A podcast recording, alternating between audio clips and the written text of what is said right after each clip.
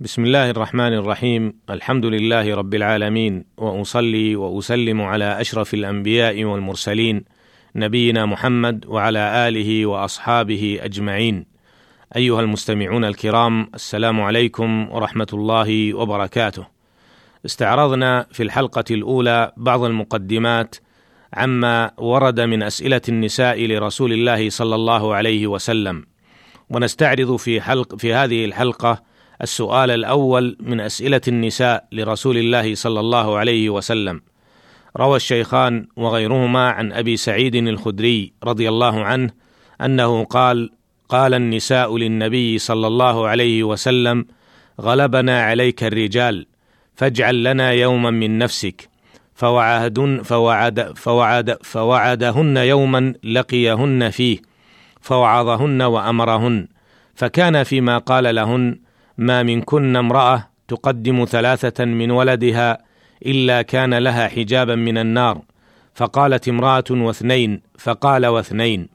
وفي رواية أنه قال جاءت امرأة إلى رسول الله صلى الله عليه وسلم فقالت يا رسول الله ذهب الرجال بحديثك فاجعل لنا من نفسك يوما نأتي فيه تعلمنا مما علمك الله فقال اجتمعنا في يوم كذا وكذا في مكان كذا وكذا.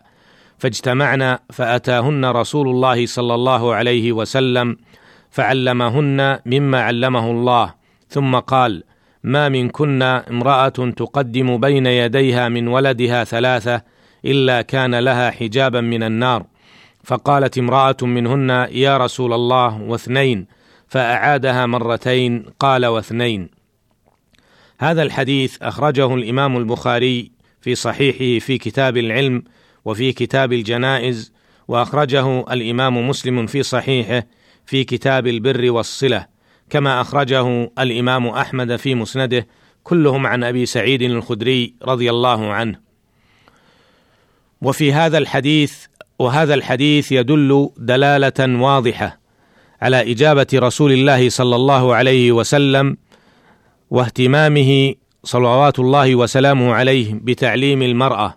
يتضح هذا من إجابته عليه الصلاة والسلام من إلحاح الصحابيات الجليلات بطلب العلم. وتعليم المرأة ذو أهمية عظمى في دين الله عز وجل. جاء التنويه عنه في القرآن الكريم وفي السنة المطهرة. ولعلنا نستعرض في ولعلنا نستغل هذه الفرصة للوقوف مع تعليم المرأة في النقط الآتية. الأولى جاء الإسلام في بيان فضل العلم والتعليم عامة للرجال والمرأة للرجل والمرأة على حد سواء. العلم الذي يوصل إلى خشية الله تعالى وتقواه والارتباط به سبحانه وتعالى. قال تعالى: اقرأ باسم ربك الذي خلق، خلق الإنسان من علق، اقرأ وربك الأكرم. الذي علم بالقلم علم الإنسان ما لم يعلم. هذه الآية هي الآية التي افتتح بها الوحي من الله سبحانه وتعالى على رسوله صلى الله عليه وسلم. جاءت تنويها بشأن العلم وأن هذا الدين قائم على العلم. وفي رفعة العلم وأهله يقول سبحانه يرفع الله الذين آمنوا منكم والذين أوتوا العلم درجات قال الإمام القرطبي رحمه الله أي في الثواب في الآخرة وفي الكرامة في الدنيا فيرفع المؤمن على من ليس بمؤمن والعالم على من ليس بعالم. ولأهمية العلم فالله جل وعلا لم يأمر نبيه صلى الله عليه وسلم بطلب الزيادة من شيء إلا من العلم. قال تعالى وقل رب زدني علما قال القرطبي رحمه الله فلو كان شيء أشرف من العلم لأمر به سبحانه وتعالى نبيه صلى الله عليه وسلم أن يسأله المزيد منه كما أمره أن يستزيد من العلم ولذلك كان أهل العلم أكثر الناس خشية لله تعالى فهم الذين يقدرون الله حق قدره. قال تعالى إنما يخشى الله من عباده العلماء. قال الشيخ عبد الرحمن بن سعدي رحمه الله فكل من كان بالله أعلم كان أكثر له خشية وأوجبت له خشية الله الانكفاف عن المعاصي والاستعداد للقاء من يخشاه. وهذا دليل على فضيلة العلم فإنه داع إلى خشية الله تعالى. أما الدلالة على فضل العلم وأهميته من السنة النبوية فأكثر من أن تحصر. وأشير هنا إلى بعضها. روى البخاري ومسلم وغيرهما عن معاوية رضي الله عنه أنه قال قال رسول الله صلى الله عليه وسلم من يرد الله به خيرا يفقهه في الدين. قال الحافظ ابن حجر رحمه الله حول هذا الحديث إثبات الخير لمن تفقه في دين الله وأن ذلك لا يكون بالاكتساب فقط بل لمن يفتح الله عليه به. ومن ذلكم الحديث المشهور. الذي عدد فيه الرسول صلى الله عليه وسلم البشائر العظيمة لطالب العلم.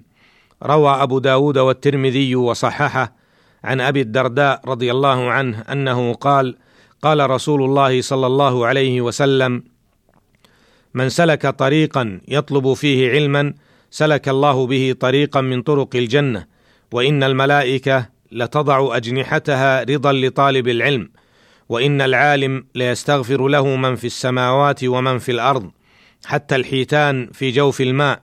وإن فضل العالم على العابد كفضل القمر ليلة البدر على سائر الكواكب. وإن العلماء ورثة الأنبياء وإن الأنبياء لم يورثوا دينارا ولا درهما وإنما ورثوا العلم فمن أخذه أخذ بحظ وافر. ومن فضل العلم أنه يبقى للإنسان ذخرا له بعد مماته بعد أن شرف به في حياته. روى الإمام مسلم وغيره عن أبي هريرة رضي الله عنه أنه قال قال رسول الله صلى الله عليه وسلم إذا مات الإنسان إذا مات ابن آدم انقطع عمله إلا من ثلاث إلا من صدقة جارية أو ولد صالح يدعو له أو علم ينتفع به. قال النووي رحمه الله فيه دليل لصحة الوقف وعظيم ثوابه وبيان فضيلة العلم والحث على الاستكثار منه والترغيب في توريثه بالتعليم والتصنيف والإيضاح وأنه ينبغي أن يختار من أن يختار من العلوم الأنفع فالأنفع. أيها المستمعون الكرام هذه الفضائل العامة للمتعلمين من الرجال والنساء إذ الخطاب شامل للجميع. ومع هذا فهناك نصوص خاصة تشير إلى أهمية تعلم النساء التعليم الشرعي الذي به يعرفن الحلال من الحرام والصحيح من السقيم.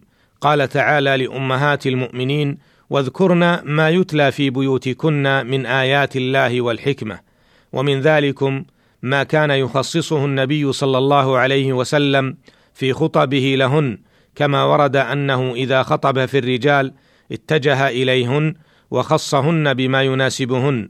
روى الشيخان رحمهما الله تعالى عن جابر رضي الله عنهما أنه قال شهدت مع النبي صلى الله عليه وسلم العيد فبدأ بالصلاة قبل الخطبة بلا أذان ولا إقامة ثم قام متوكئا على بلال فأمر بتقوى الله تعالى وحث على طاعته ووعظ الناس وذكرهم ثم مضى وأتى النساء فوعظهن وذكرهن وقال يا معشر النساء تصدقن فان كن أكثر حطب جهنم فقامت امرأة من سطة النساء سفعاء الخدين فقالت لم يا رسول الله فقال لأن كن تكثرن الشكات وتكفرن العشير قال فجعلن يتصدقن من حليهن ويلقين في ثوب بلال من أقراطهن وخواتمهم ويكفي دلالة على اهتمام الصحابيات الجليلات بالعلم حديثنا الذي ذكرناه في مقدمة هذه الحلقة